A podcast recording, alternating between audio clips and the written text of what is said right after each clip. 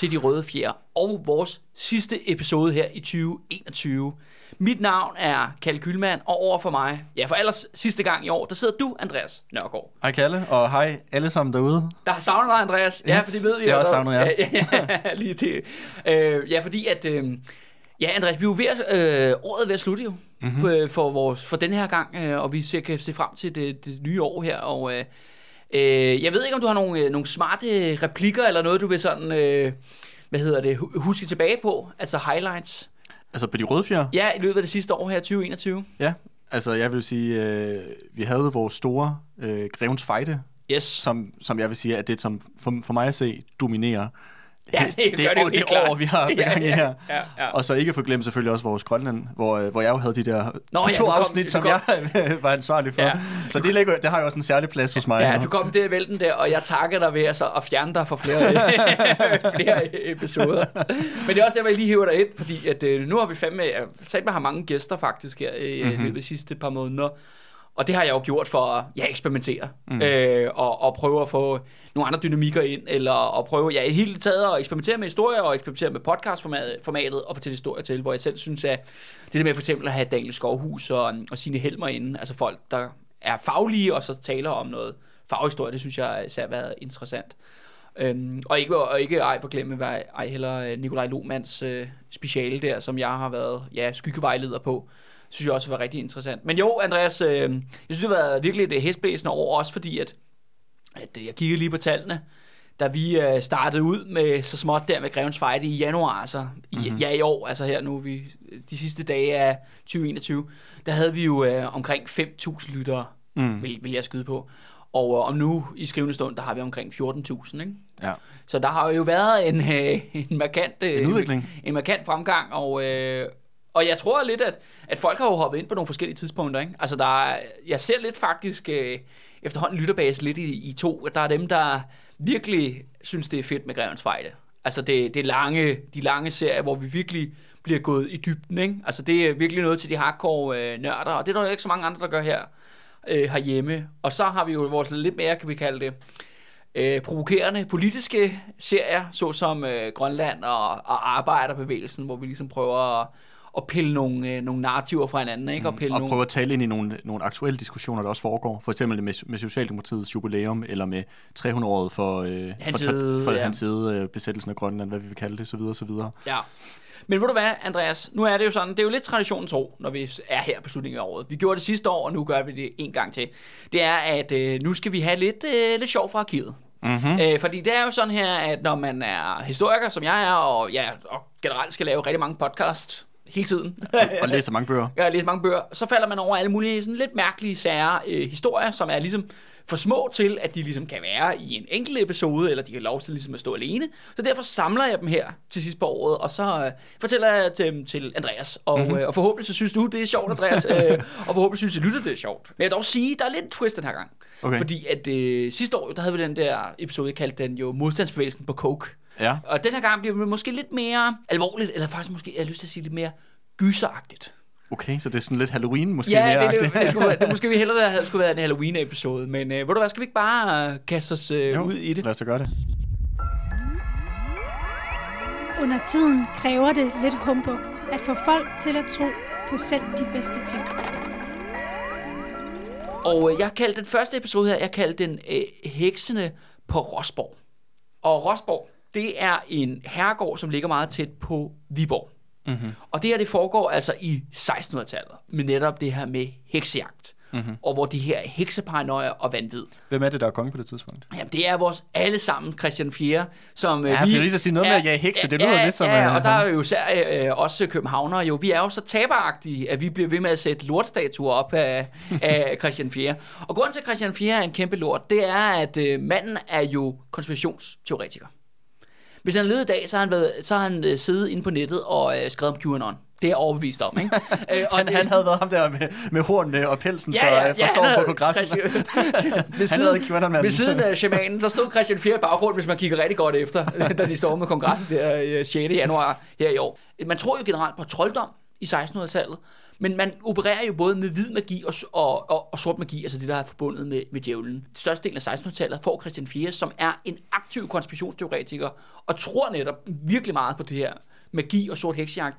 Det bliver jo meget, meget blodet. Altså omkring 2.000, over, måske endda over 2.000 kvinder, bliver brændt i den her periode på bålet, for noget, de ja, ikke har gjort jo. Ja, ja. Netop øh, det her magi. Det er mange.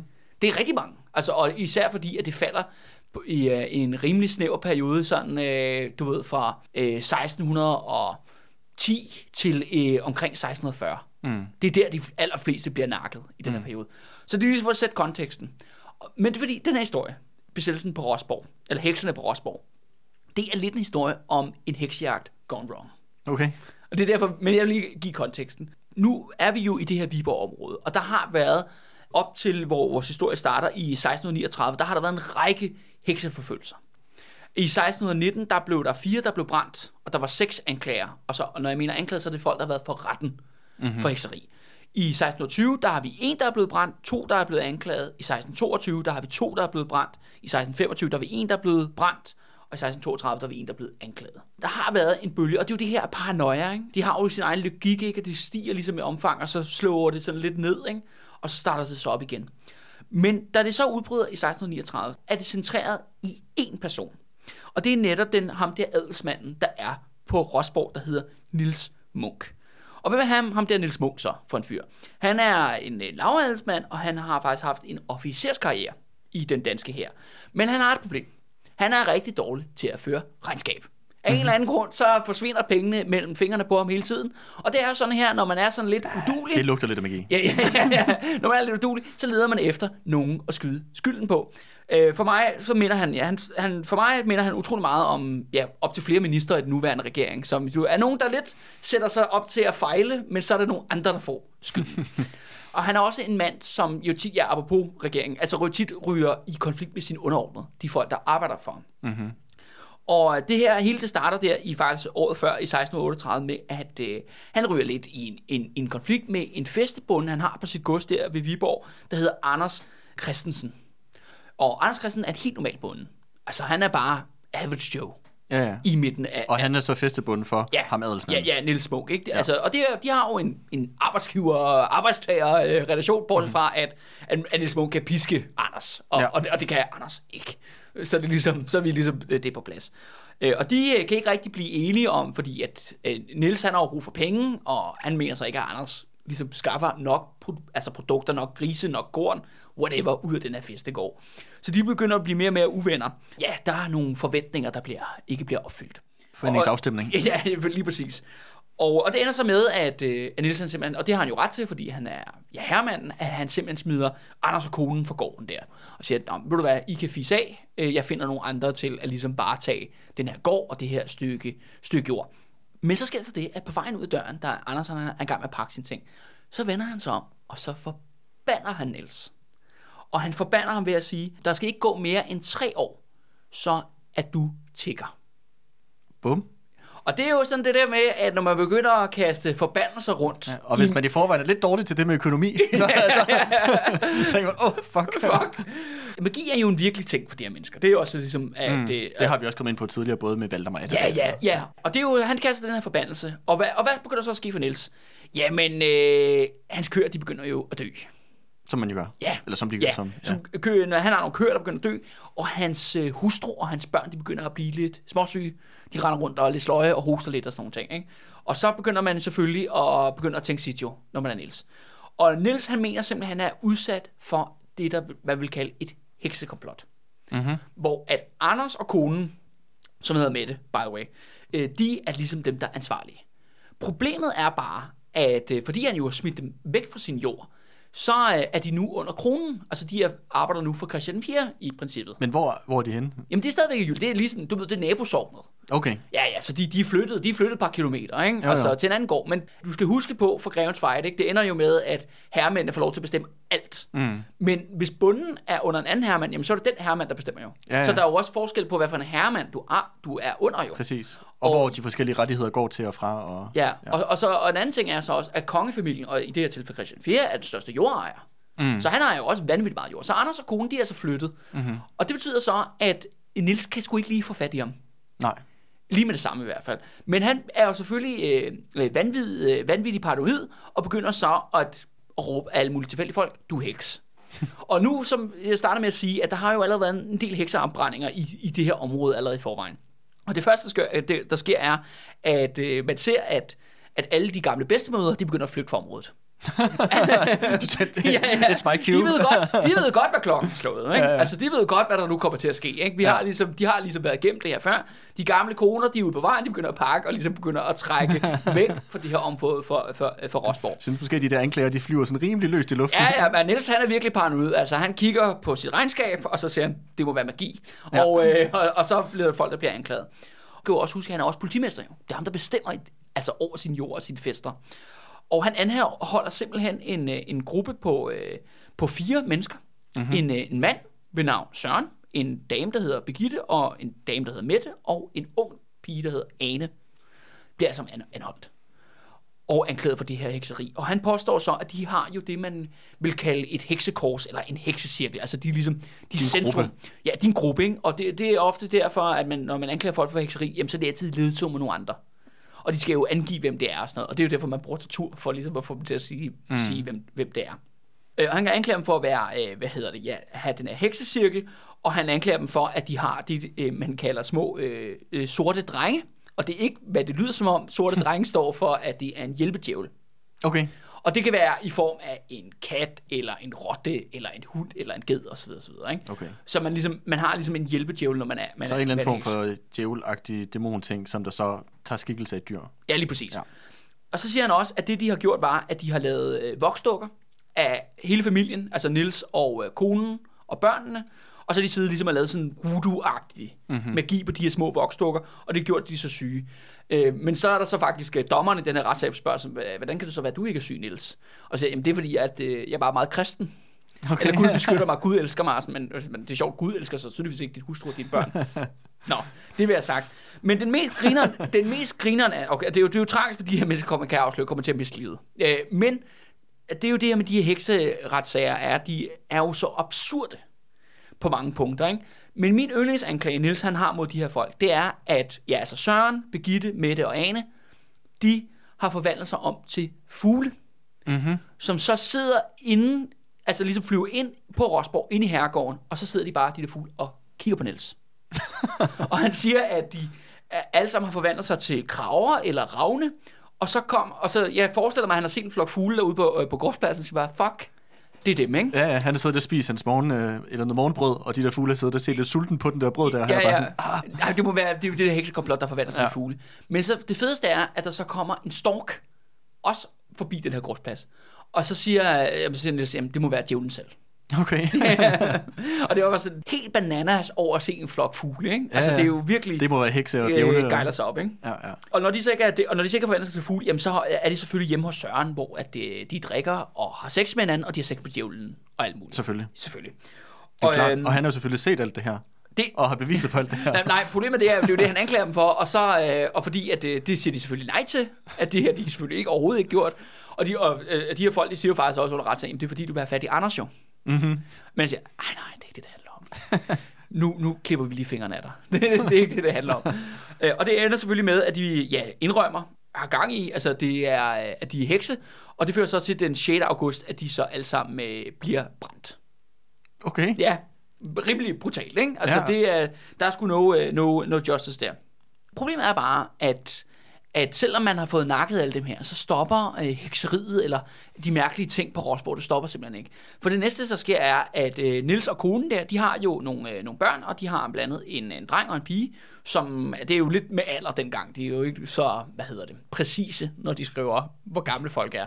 Men øh, der har en, nogle teenagebørn, altså en mm-hmm. teenage-dreng og en teenage-datter, i alderen sådan 16-18.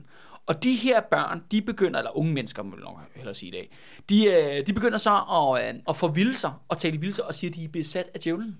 Nå for satan. Ja, de ligger og råber og skriger ind i deres, øh, ind i deres senger og kaster med ting, og så råber de bare, det er Anders, det er Anders, det er Anders. Okay. Der de ligesom anklager for at have øh, besat dem. Og Ja. de siger, jamen en ting var, at vi ligesom nakkede de, De der fire, hekse der. de der fire der.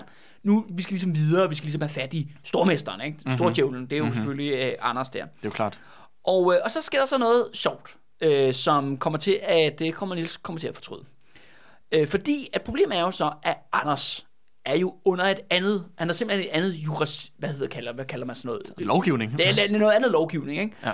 At øh, for ligesom at beskytte sig selv, så vælger Nils så at hyre tre troldmænd. Okay. Simpelthen for penge. Men altså gode hekse, kan man sige så. Altså nogen, der er... Ja, og det er jo så her, hvor tingene begynder at blive en lille smule blurry. Altså det der med, at, at du har, øh, han bekæmper magi, men han bruger selv magi, og han hyrer professionelle hekse. Ja. Han hyrer de her tre troldmænd, og, øh, og de skal så bekæmpe den her onde magi, der ligesom er lagt på, øh, på Rosborg. Og det de så gør er, at de lægger de her teenagebørn ned i nogle åbne grave, og så kaster de jord på dem.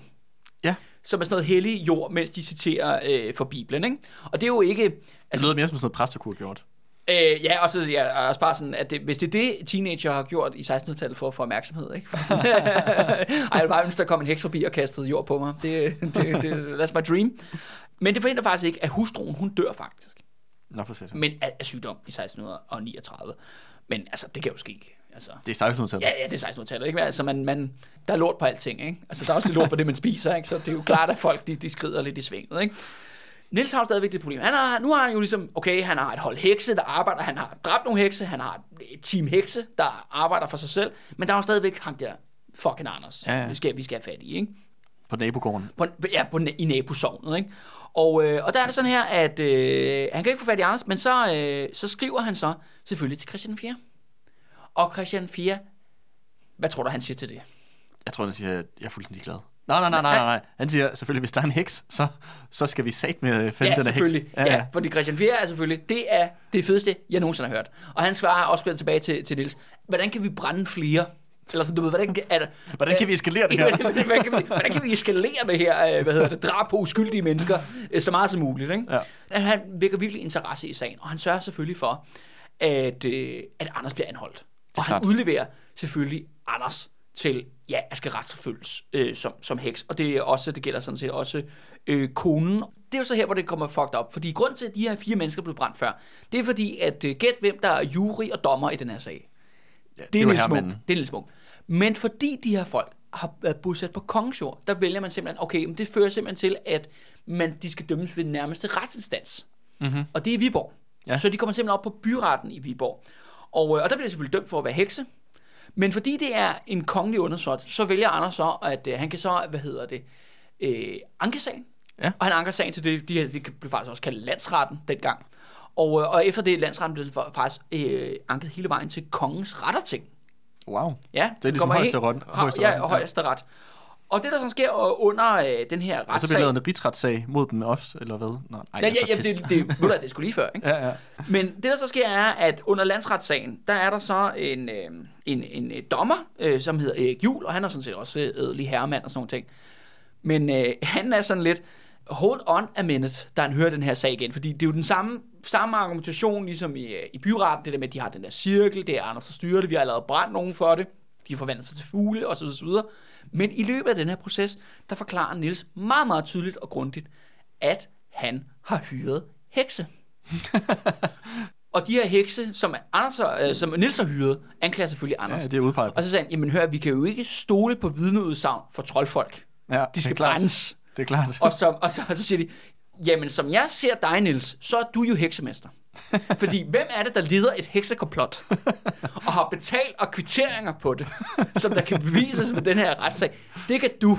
Til gengæld, så har vi noget om, at Anders måske har gokket den af på djævlen hjemme hos sig selv, sammen med nogle andre, som er døde, by the way, som ikke kan vidne, Ja, ja.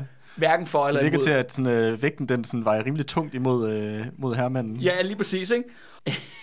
og så sker der så det, at, øh, at øh, og, så, og det hele retten kommer op så hele vejen jo til Christian 4 på rettertinget, og der er Christian 4 også bare sådan, shit, det var ikke særlig godt.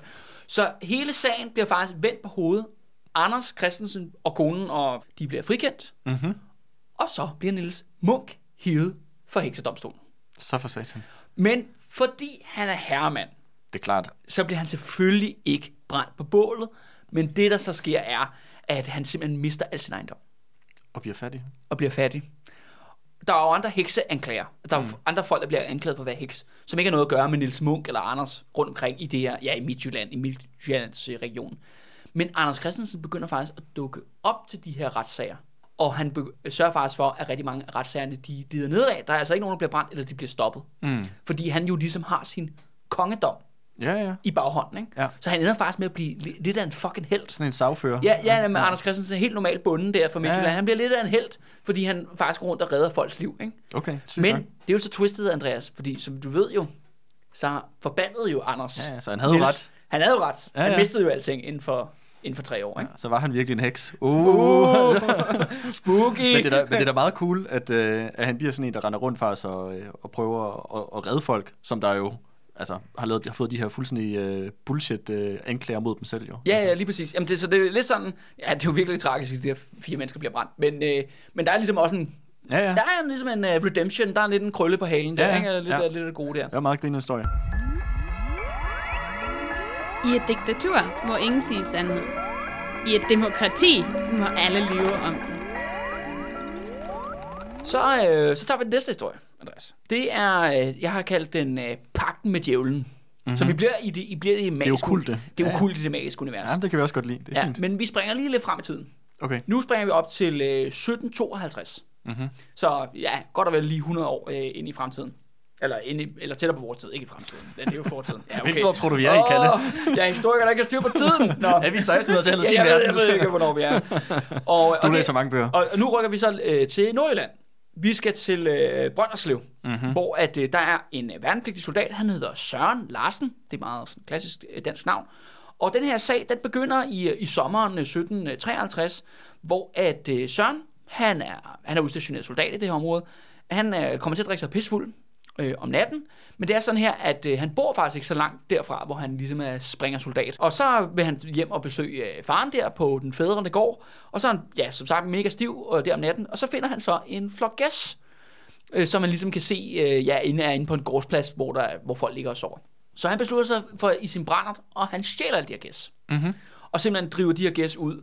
Og han driver dem, ja, faktisk flere kilometer øh, ud af landevejen, de her flok gæs, hvor ligesom, jeg tror, han ligesom sober lidt op, bliver lidt mere sådan lidt ædru i det, og så tænker han, øh, hvad, hvad fanden skal jeg med alle de her gæs? Ja, altså, hvordan, hvordan kan jeg skjule de her gæs, ikke? Også fordi, at han er, Gæs er jo også kendt for at være helt vildt stille. Ja, ja, ja, og, og vi taler jo ude på, ude på landet her, ikke? Altså, Ja. der, og, og han er faktisk blevet set af, af flere folk øh, Ja. i den her, fordi Ja, han gjorde det på gæs, gæs er ikke stille, Nej, Kalle. det- det, er, det er ikke det er jo en- bare lige fordi, du ligner som om, du ikke ved, hvad, du ikke vidste, at det var en joke. Så det er, men Nå. gæs larmer rigtig meget. Nå, okay. Nå, nå, nå.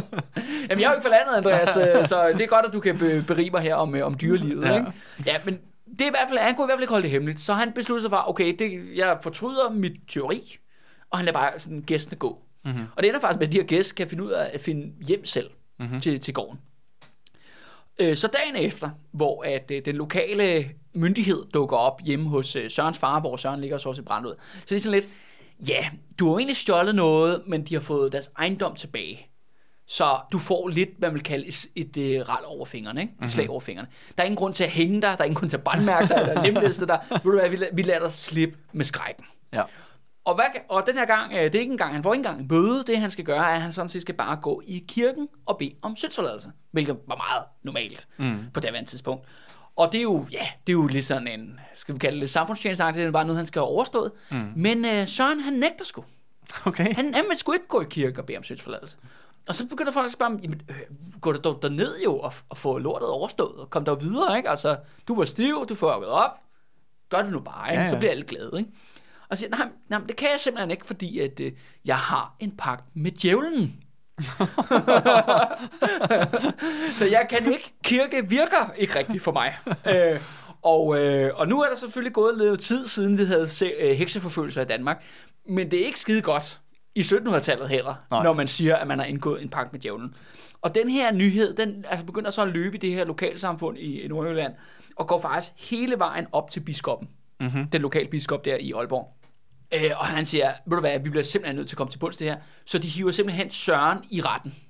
Okay. Så han skal simpelthen op og forklare sig, hvad han mener med den her øh, pagt øh, med djævlen. Mm-hmm. Så han har en retssag 28. marts 1753, og, og der forklarer Søren, og så spørger de ham, hvorfor har du indgået en pagt med djævlen? Jamen så forklarer Søren, jamen, jeg har altid haft det sådan, at jeg ikke gider at lave noget.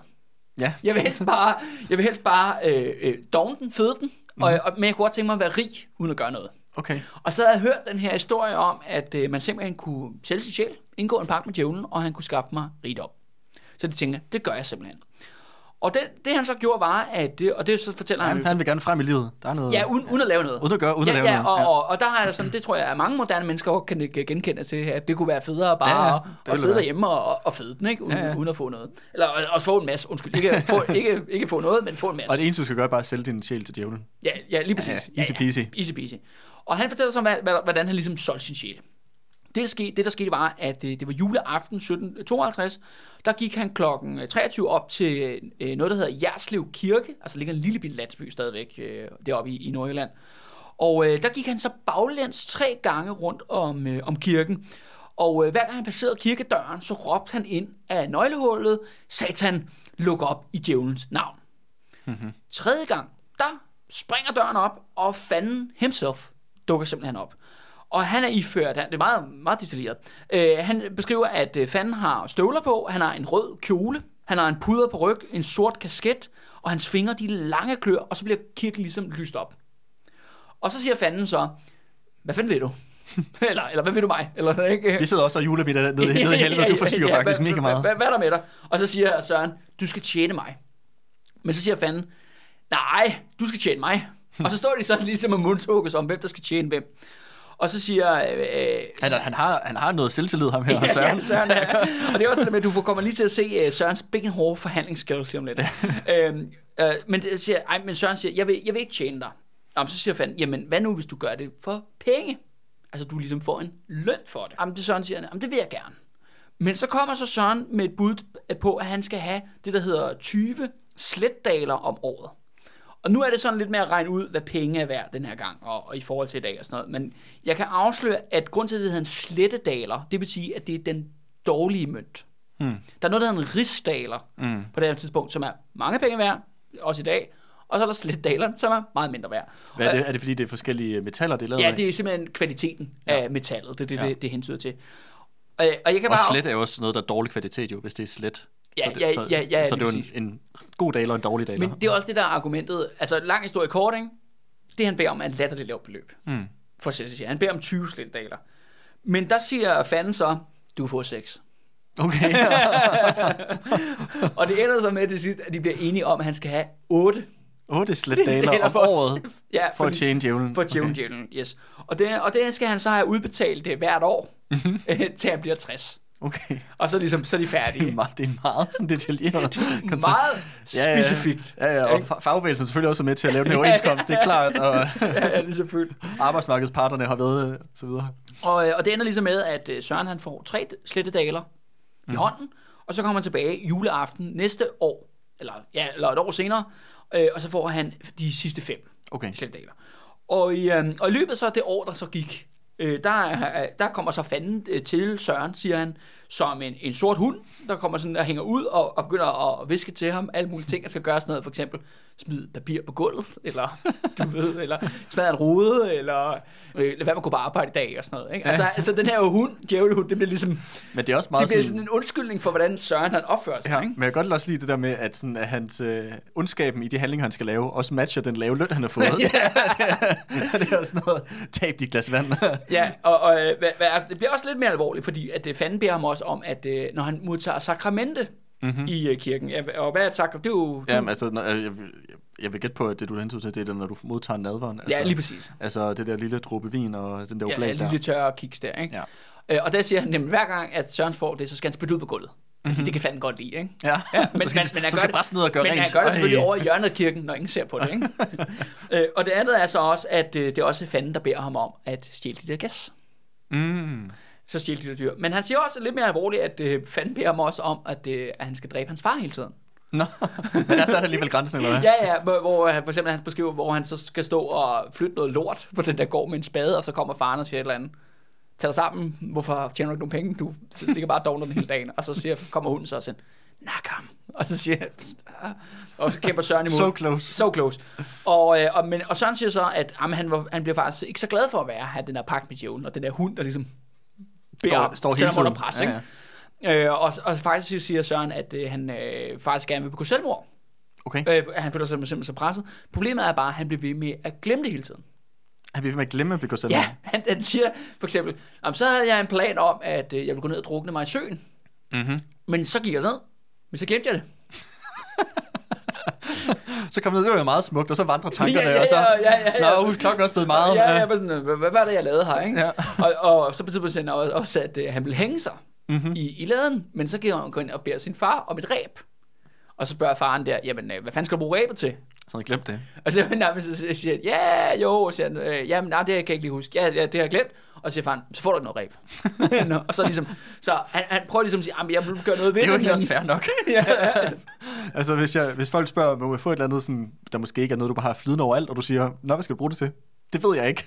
så, så er det måske fair nok, faren er sådan lidt, hmm, det kan godt være, at du måske kan få lov til at få, når du så husker, hvad det er, du egentlig skal bruge det til. ja, ja, lige præcis. Og, og det er simpelthen Hans Sørens meget, meget detaljeret og specifikke Ja. ja. forklaring om, øh, hvordan han kan indgive den her pagt med djævlen. Og hvad siger biskoppen så til det? Ja, hvad siger præsterne til det? De, og dem, der skal dømme ham, øh, dømme ham, de er jo sådan meget diskuterer frem og tilbage om, at det virker som om, at øh, det er en undskyldning, Søren har fundet på for ikke at lave noget.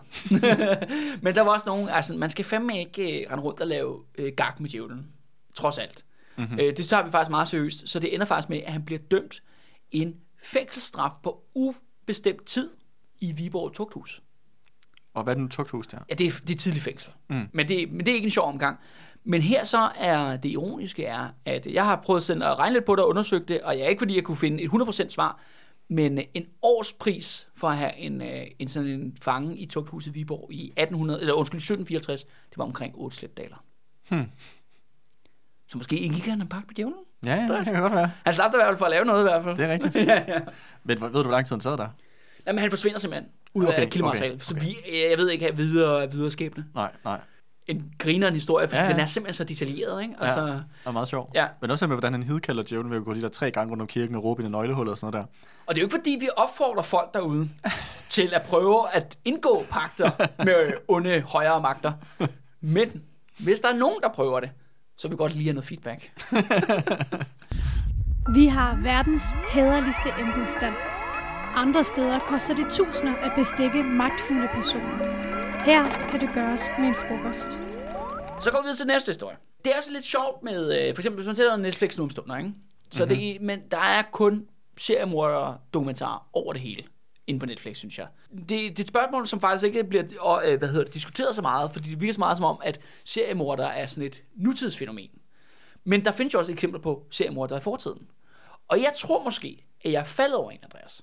Ja. Så det er ikke lige så meget haha, den her øh, historie. Altså, jeg har en, øh, en, øh, en mistænksom person, øh, også ude i nogle små jyske landsbyer i en periode med fra 1720'erne til 1740'erne, og det er en præst. Okay. Så nu kan vil jeg fortælle dig historien, Andreas, og så må du jo ligesom dømme, Vurdere. Ja, ja. dømme på lytternes vegne, om øh, er der taler om, at vi har simpelthen noget, en jysk seriemorder løs, Morder, morderisk præst. en morderisk præst løs i uh, midten af 1700-tallet i, i Jylland. Og, uh, og det, den der præst, det handler om, det er en uh, præst ved navn uh, Peter Nørholm. Og han var uh, præst for uh, to små landsbyer i, uh, ja, i uh, Jylland, uh, Tordrup og, ja, Tor, Tor, nej, Torup, undskyld, og Kvols, uh, hvor han uh, blev præst i, uh, i 1725. Og hele det her, øh, det begynder i øh, 1727, altså fordi vi kan kun vide, hvad han laver igennem hans kontakt på domstolene. Okay. Altså, der er ligesom nogle instanser, der skal hive ind og blive vurderet, hvad han har gang i. Og det, det starter med i 1727, er, at øh, der er to kvinder, som melder, at, at de har fået stjålet et par form. Mm-hmm. Og det er ham her, præsten, der har taget dem. Fordi han mener, at de her folk, de skal give ham penge for det, han har ydet med kirken. Det hvilket er lidt fucked, fordi de betaler jo Kirkeskat. Kirkeskat i forvejen. Ja. Men ham her, han kræver ligesom ekstra salær for Okay. øh, velsignelser, eller hvad fanden det nu kan være, ham her Peter. Og, og det ender faktisk med, at den der aften, hvor han stjæler det, så er de her to, øh, de to kvinder, der er, de er enker begge to, det er derfor, de bor sammen. Det kan også være, at de er ja, lesbiske, men, men der er jo ikke noget, der hedder lesb... Altså, Nej, nej. der, kvindelig homoseksualitet findes simpelthen. Det er ikke et begreb, der har fandtes i Danmarks historie, hvilket er en meget sjov historie, men det er også lidt en bit ting. Øh, De bor sammen. de bor sammen. Og de her kvinder, de, øh, de siger, "Hvad- hvorfor stjæler du vores får? Og siger, at jeg stjæler dem, fordi at, øh, I ikke har gjort det der. Og så tæver han dem i smadret med en stok. Okay. Altså, de er gule blå, ikke? Ja. Og, og, de er selvfølgelig, og de her damer, de gemmer sig inde, selvfølgelig inde på deres, i deres hus, altså hele natten, og er pisse bange for, at han kommer tilbage. Med god grund. Med god grund. Næste dag, så øh, går de selvfølgelig over til naboen, hvor der er nogle, øh, nogle mandfolk derinde, og så spørger, øh, siger de, der, de her mænd, at om de her mænd ikke vil opsøge præsten, og ligesom få deres får tilbage jo. Folk er også afhængige af de, de dyr, det er jo sådan, Ja, de overlever. Ikke? Altså, ja. Så, øh, så de her mænd, de opsøger så har Peter der samme dag, og, øh, Øh, og så siger han, jamen, øh, okay, når I nu kommer der, så kan I godt få øh, forne tilbage. Men det, han har så har gjort, er, at han har skåret ørerne af dem. Åh, oh, okay, sindssygt. Altså, han s- og, og simpelthen kaster de der ører i hovedet på dem og sådan noget. Ikke? Okay. Altså, så der er jo også det der med dyretortur og sådan noget. Ja, ja, Ja. det er jo sådan en, man siger, det plejer man at sige, det er sådan noget, det er sådan en rimelig god indikator på, at der er Ja, ja. noget, noget psykisk galt, ikke? Ja.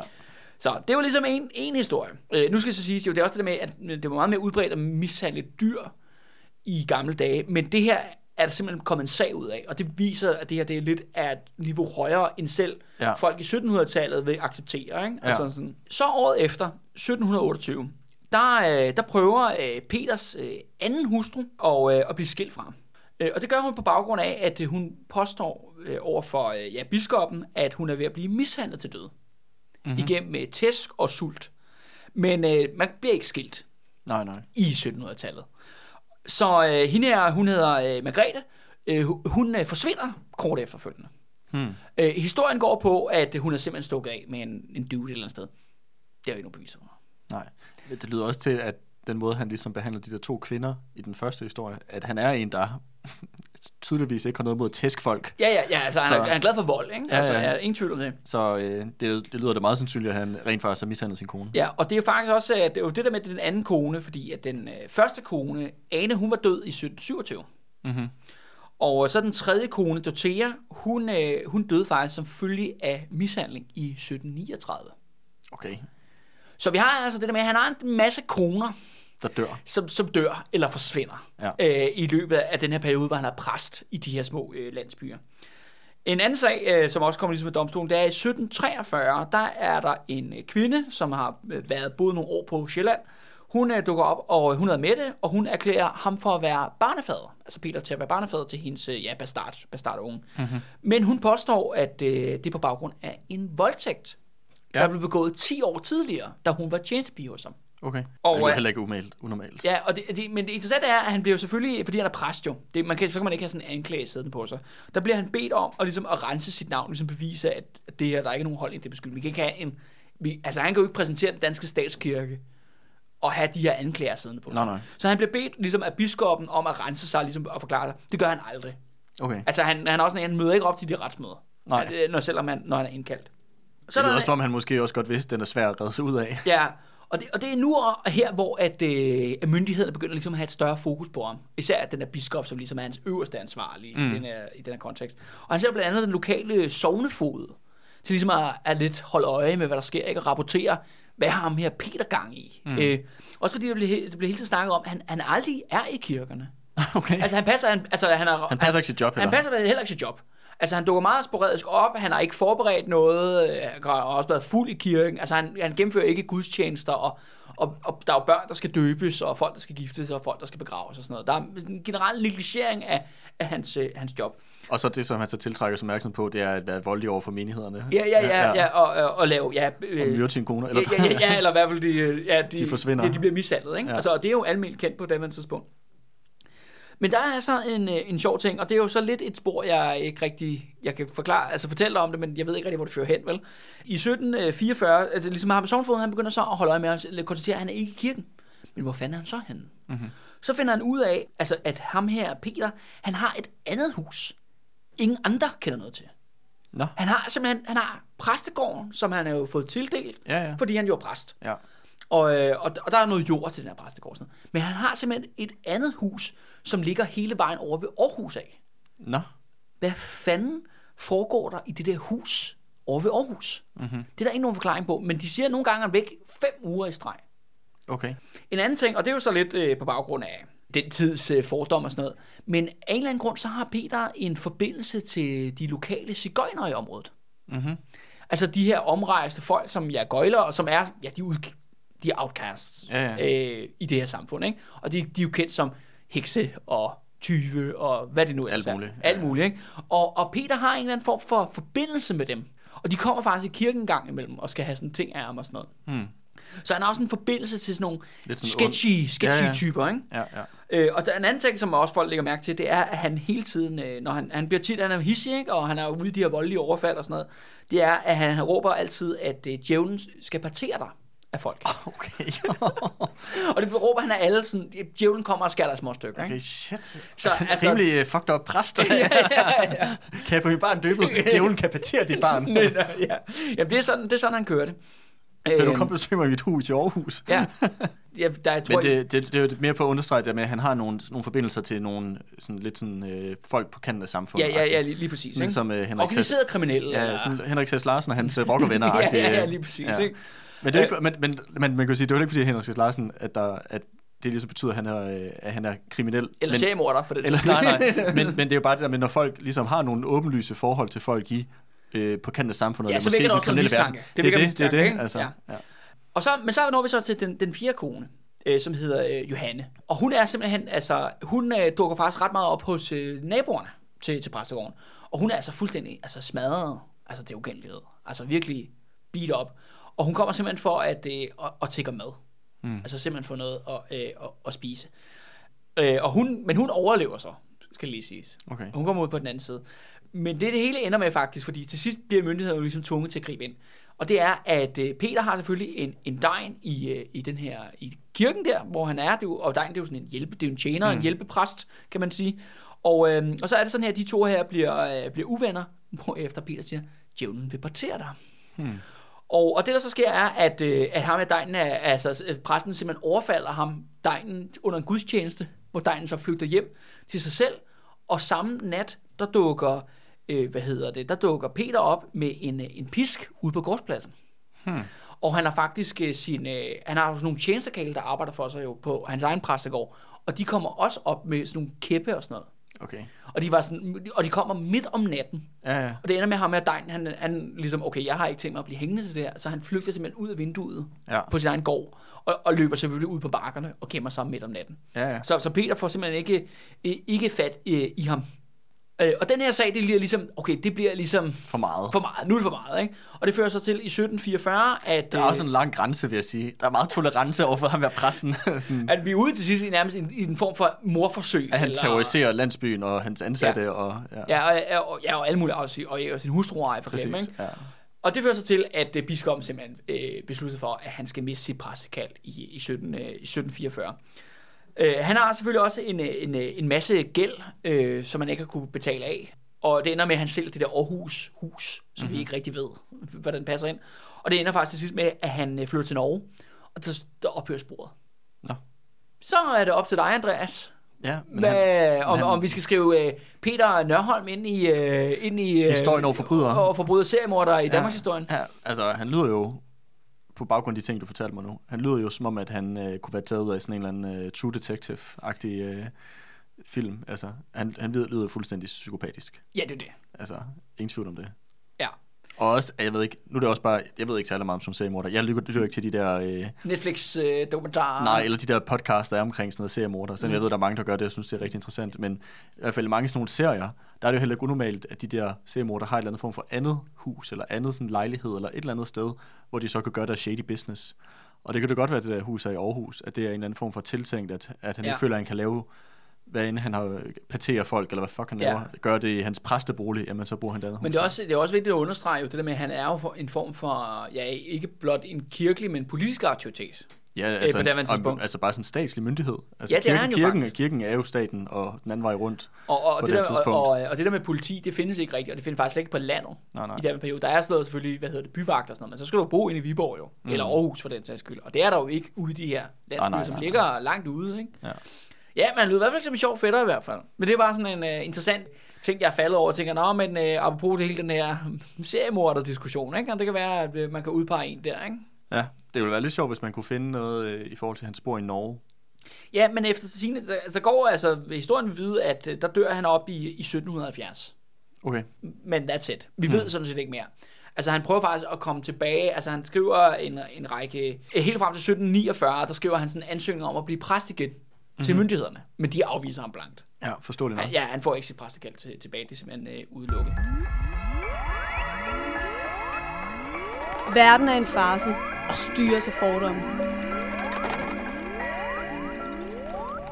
Så tager vi den næste historie. Det er en historie, jeg har kaldt den store dyreplager. Okay, er den, er den lidt mere sjov end den anden Den her? er lidt mere sjov. Okay. Øh, og, men til gengæld øh, handler det også om en præst. Okay, men en ja, lidt men mere fedt. sjov en af slagsen. Mhm. Øh, og det er en anden præst, øh, der hedder Hans øh.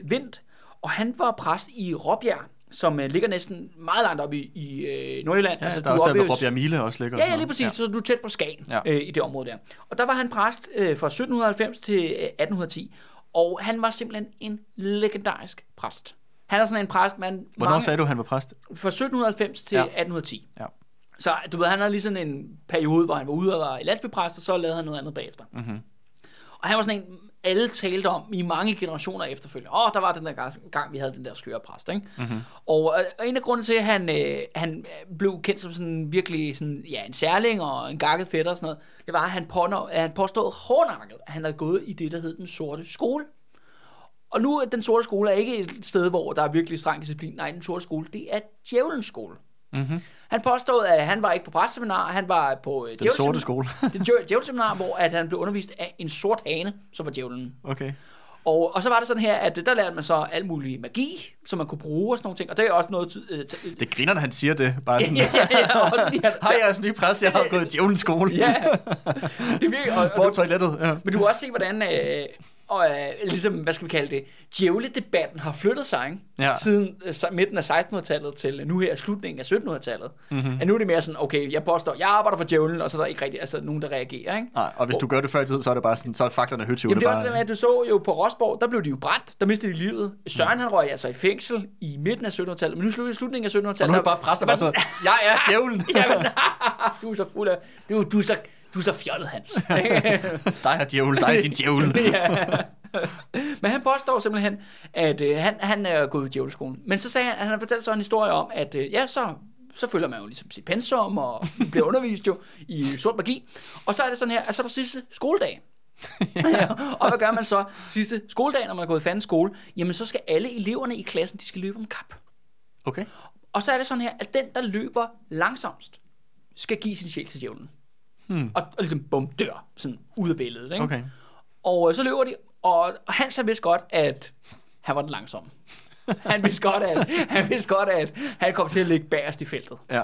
Så det han gjorde var, at da de begynder at løbe, så sakker han selvfølgelig hurtigt bagud, de andre de overhaler ham.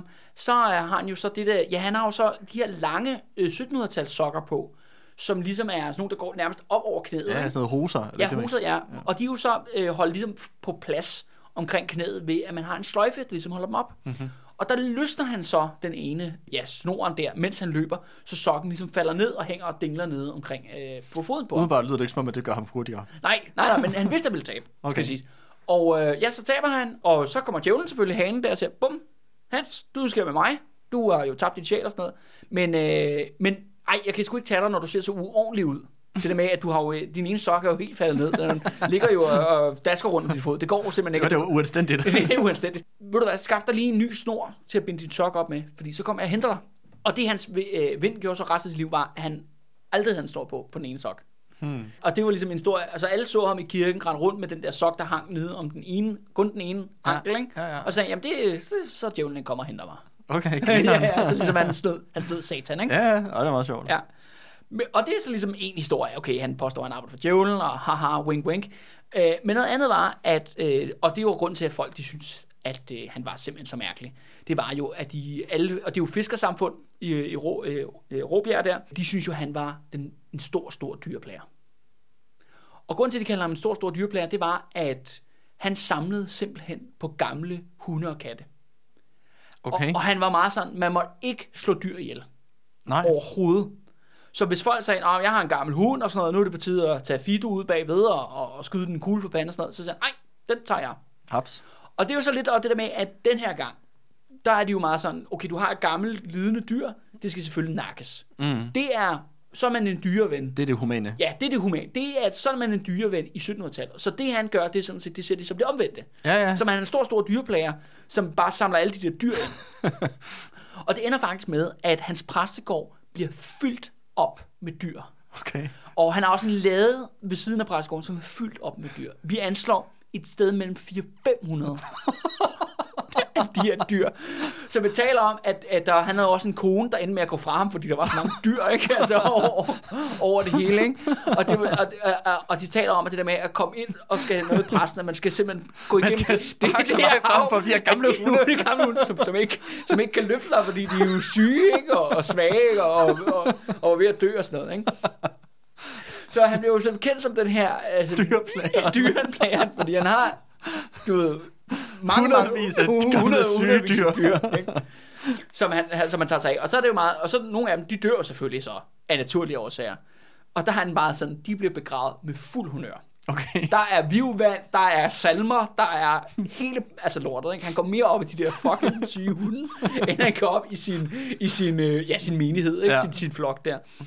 Og det fører selvfølgelig til, at, øh, at de lokale, de vælger så også at, at spille ham et pus eller to.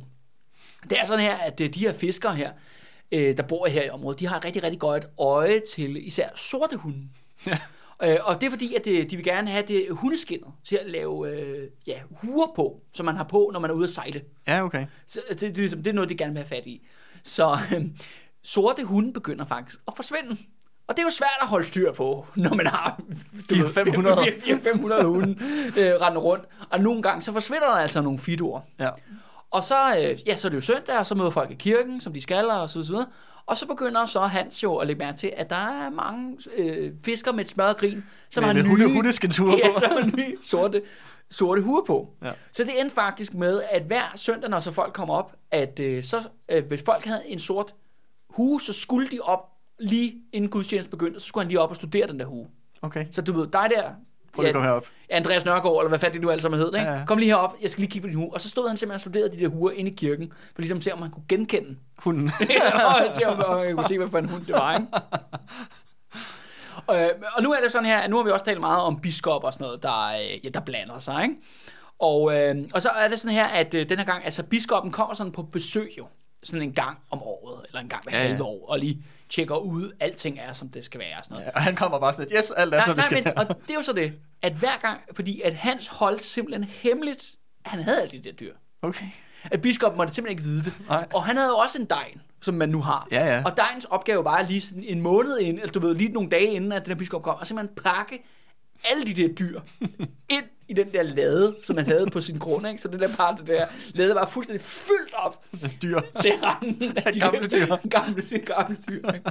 Og biskoppen, han kommer ind, kigger på kirken, snakker med Hans, går en tur, får kaffe på præstegården, hvad man nu ellers gør. Siger, du har glemt at putte sløjfen på din sok. Ja, ja, han, nå, bare, han nå, så, ah, ah, ah, ja, nå, nå, det bliver arbejde for djævlen.